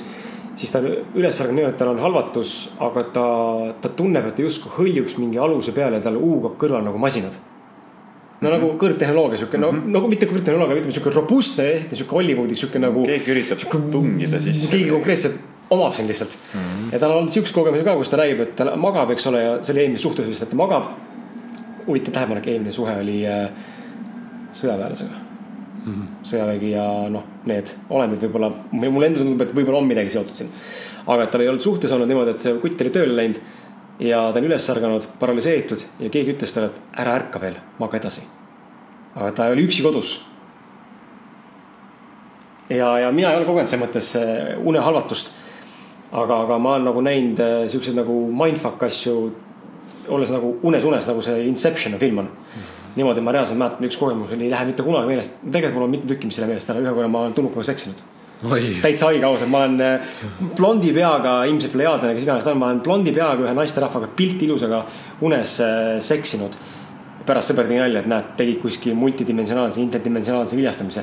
ja, ja ma olen reaalselt seksinud ja mäletan, see oli täiesti nii ehe, ma seksisin reaalselt, ta, ma sain aru, et ta ei ole siit planeedilt. ta on nagu inimene, nagu pilt ilus, sihuke, kujuta ette, pilt ilus, sihuke Skandinaavia rootslane, sihuke siniste silmadega, blond, suurte tisside, prinkkannikas onju. kõik on perfektne ja sellega seksisin niimoodi, ma ei saanud arugi. ja, ja teine kogemus, mis oli hirmus minu jaoks, oli see, et ma kõndisin Lasnamäel, mäletan, kus ma vahepeal elasin. kõndisin ühes Lasnamäel ja siis unes kuulen, kus hakkab see X-Filesi muusika mängima. täiesti lamp, noh niimoodi, et sa tunned ära, et mida perses on X-Files, aga ma fucking magan ju. ja siis nii kui, nii kui nagu ma sain aru, et see X-Filesi muusika tuli sõna pähe ufo, tulnukad. ma tundsin, kuidas mul oli nagu sundviisiliselt keha nagu tahtis nagu unes vaadata vasakule ja nii kui vasak, vasak, vasakule vaatasin, nägin endast sihuke saja meetri kaugusel seda pooleteist meetrit halli seismas. seisis ja siis ma tundsin, ma olin paralüseeritud. seisin lihtsalt niimoodi, ma ei saa, ma ei saa midagi teha ja siis järgmine hetk oli see, kus tuli nagu mingites kuradi sihukestes õudusilmides kuskil nagu The Ring või mingi sihuke kuradi rõve vend. roomas hästi kiiresti niimoodi minu juurde ja haaras mu käest siit piitsepsist. ja siis ma mäletan, et äh, ma ütlesin talle, ma ütlesin talle midagi, midagi sellist vist, et, et ma ei karda sind, et tõmba nahku raisk. ja ma ärkasin ülesse. ja siis ma ärkasin üles, mõtlesin, et täitsa perses. ma pean sellest rääkima oma sõbrale. ja siis ma ärkasin uuesti üles mm.. ja nagu päriselt ja, ja, ja. ja siukseid asju ma olen kogenud, siukseid nagu kontakte nii-öelda nagu noh, mingite maaväliste asjadega, aga just nagu need klassikalised ongi need kuradi pooleteise meetri hallid onju. aga jah, need hallid ja kõik, keda me nimetame tulnukateks, minu hinnangul nad on kõik äh, sellised, keda me näeme nüüd selles äh, teises teadvusseisundis äh, astraalis siis mm. -hmm. et ma ei usu, et on olemas füüsilised kosmoselaevad, mis võib-olla tuleks siia maa peale ja kuidagi võtaks inimesed üle. see, mina arvan, et on kõik Hollywood ja ma, ma lihtsalt arvan, see on minu isiklik arvamus. ma olen väga paljude inimestega rääkinud, kellel on mingeid sarnaseid kogemusi, nagu sa just kirjeldasid, siis nad kõik ütlevad, et see on olnud selles astraalis mm, -hmm. mitte siin füüsiliselt. ma mõtlen, et kui praegu siia ruumi tuleks mingi roheline vend, siis ma lihtsalt hakkaksin naerma, et kuule, et võta oma kostüüm seljast ära, näete, kes seal sees on nagu. see võib vabalt, vabalt olla jah, nende see nii-öelda noh, skafander või nii-öelda mm. -hmm. -hmm. ma küll olen näinud sihukest asja, mida võiks nimetada ufoks. siin ammu aastaid tagasi, kui ma väike laps, nägin taevas äh, ühte siukest kolmnurkset, no kolmnurkset äh, siis nagu lennuki või kosmoselaeva moodi asja, aga ta oli ühe koha peal täiesti vaikne. mu vend ja ema nägi ka seda ja siis, kui ma ütlesin, vaadake, mis seal on, siis see nagu järsku kihutas minema niimoodi. ja oli kuulda, kuidas see tuul, mis, mis ta nagu tekitas, kõik see müra oli nagu, et ta oli ikkagi täiesti füüsiline asi. aga seal ei saanud olla sees äh, meie mõttes inimene, kuna see, kui kiiresti ta minema lendas nagu, see inimene ei oleks saanud ellu jääda seal. Aga mis asi ta oli, ma ei kujuta ette. ta võib, kui ta, ta, ta oli ilmselgelt füüsiline asi meie reaalsuses. et ta võis olla mingisugune advanced salajane mingi droon, millel oli, eks ju, sihuke süsteem peal. Aga ma ei usu, et seal olid inimesed sees, seda ma ei usu. korra segan. saab Mis välja on? lõigata, kell on viisteist, kolmteist. okei okay,, ma ise peaks viis kolmkümmend liikuma okei okay., hakkame siis kokku Ma tõmbama. vaikselt homme mõni küsimus äh, küsimata veel. ma ei tea, ei ole, siin on, kõik on nii huvitavat räägitud tahad ise midagi, tunned sa midagi, mis jäi mainimata, sest et mm. las ma mõtlen see aeg nüüd lendas praegu. no tegelikult tahaks tegelikult edasi salvestada. mul isegi oli mõte, et võib-olla on ära jätan teid siia salvestama, aga ei, me võime teha teinekord teise osa. või, või, või kuidas, selles suhtes, et äh, mul ka, ma mingi hetk peaks minema, las ma mõtlen äh,. mida, ei, ma arvan, et äh, me oleme rääkinud päris palju, võiks võtta mingi huvitava lõpu. ma ei teagi. kuna hakkame siin vaikselt vist ikkagi otsa kokku tõmbama ka, sest et aeg on täis tiksuma, aeg on lennanud siin ulmekiirusel lihtsalt, et äh, ma olen veidi isegi šokis, kaks tundi või palju see meil juba ees on seal. Poolteist tundi. poolteist tundi on nii kiiresti läinud, et äh, see on müstika.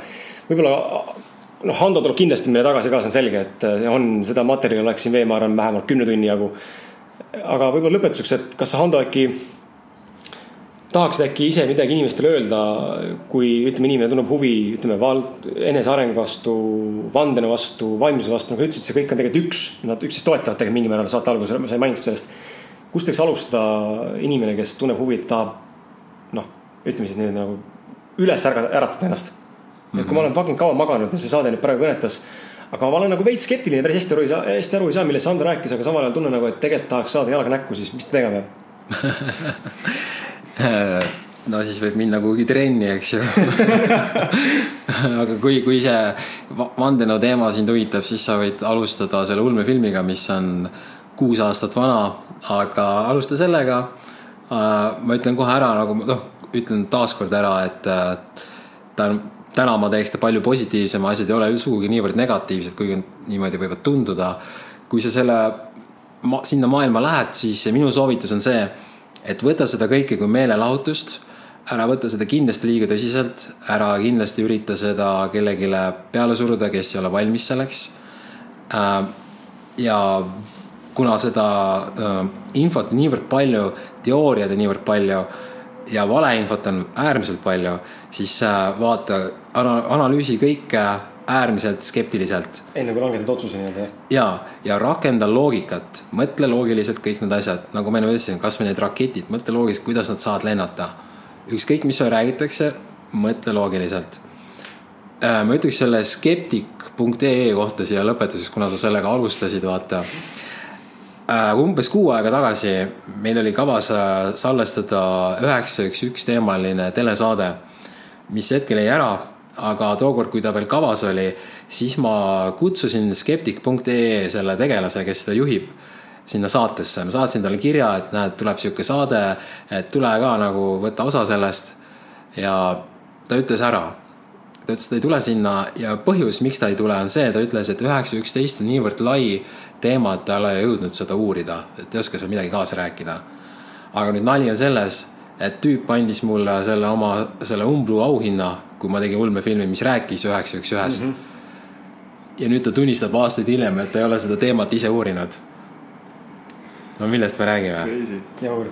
jah, aga jah, et siis äh, jah, ära võta asja liiga tõsiselt äh, ja kõige olulisem mu isiklikust kogemusest on see, et äh, kontrolli, kas sinus on ohvrimentaliteedi mustreid ja kui sinus need on, siis alusta sellest. kui selle suudad lahti monteerida, siis läheb elu palju ilusamaks. Aga jah, kus, küsi, küsi. et kust inimesed äh, sind leida võiksid? ja äh, www.telegram.ee on siis see aadress äh,, kus ma oma artikleid äh, avaldan, seal on ka teiste inimeste artikleid, aga minuga saab ühendust võtta ka Facebookist, kuhu ma hiljuti tulin tagasi, ma tegin aastase pausi Facebookist. oli väga tore, aga ühel hetkel vaatasin, et äh, liiga palju asju toimub seal et täna ma olen sellega jälle seotud, ma seal otseselt, ma ei chati seal, ma ei passi seal, aga kui on vaja ühendust võtta, siis sealt minuga ühendust saab. võid ka kirjutada hando.telegram.ee ja muidugi ulmefilm.ee, ja ulmefilm.ee, sealt saab ulmefilmi vaadata, jah. väga hea, väga lahe, aitäh tulemast. aitäh kutsumast näeme kindlasti veel. ja Martin, tõmba otsad kokku ja jah, ilmselt kindlasti üks põnevamaid ja nagu sisu rohkemaid saateid, mis meil olnud on. ja midagi teistsugust võib-olla ei ole, ei ole ainult nagu mindset'i et- põhine, vaid on ka nagu rohkem sihukest Mhm. teistsugust valdkonda juurde. et, et, et kui oled, oled endiselt meiega, oled selle saate lõpp, lõpuni kuulanud, siis äh, parem oleks, et sa oleks veres. ja, ja, ja, ja Handoga kindlasti tuleb meil jätkusaade, nagu juba räägitud sai. ja egas midagi, olge, olge mõnusad ja näeme jälle. Ciao. Ciao. Ciao.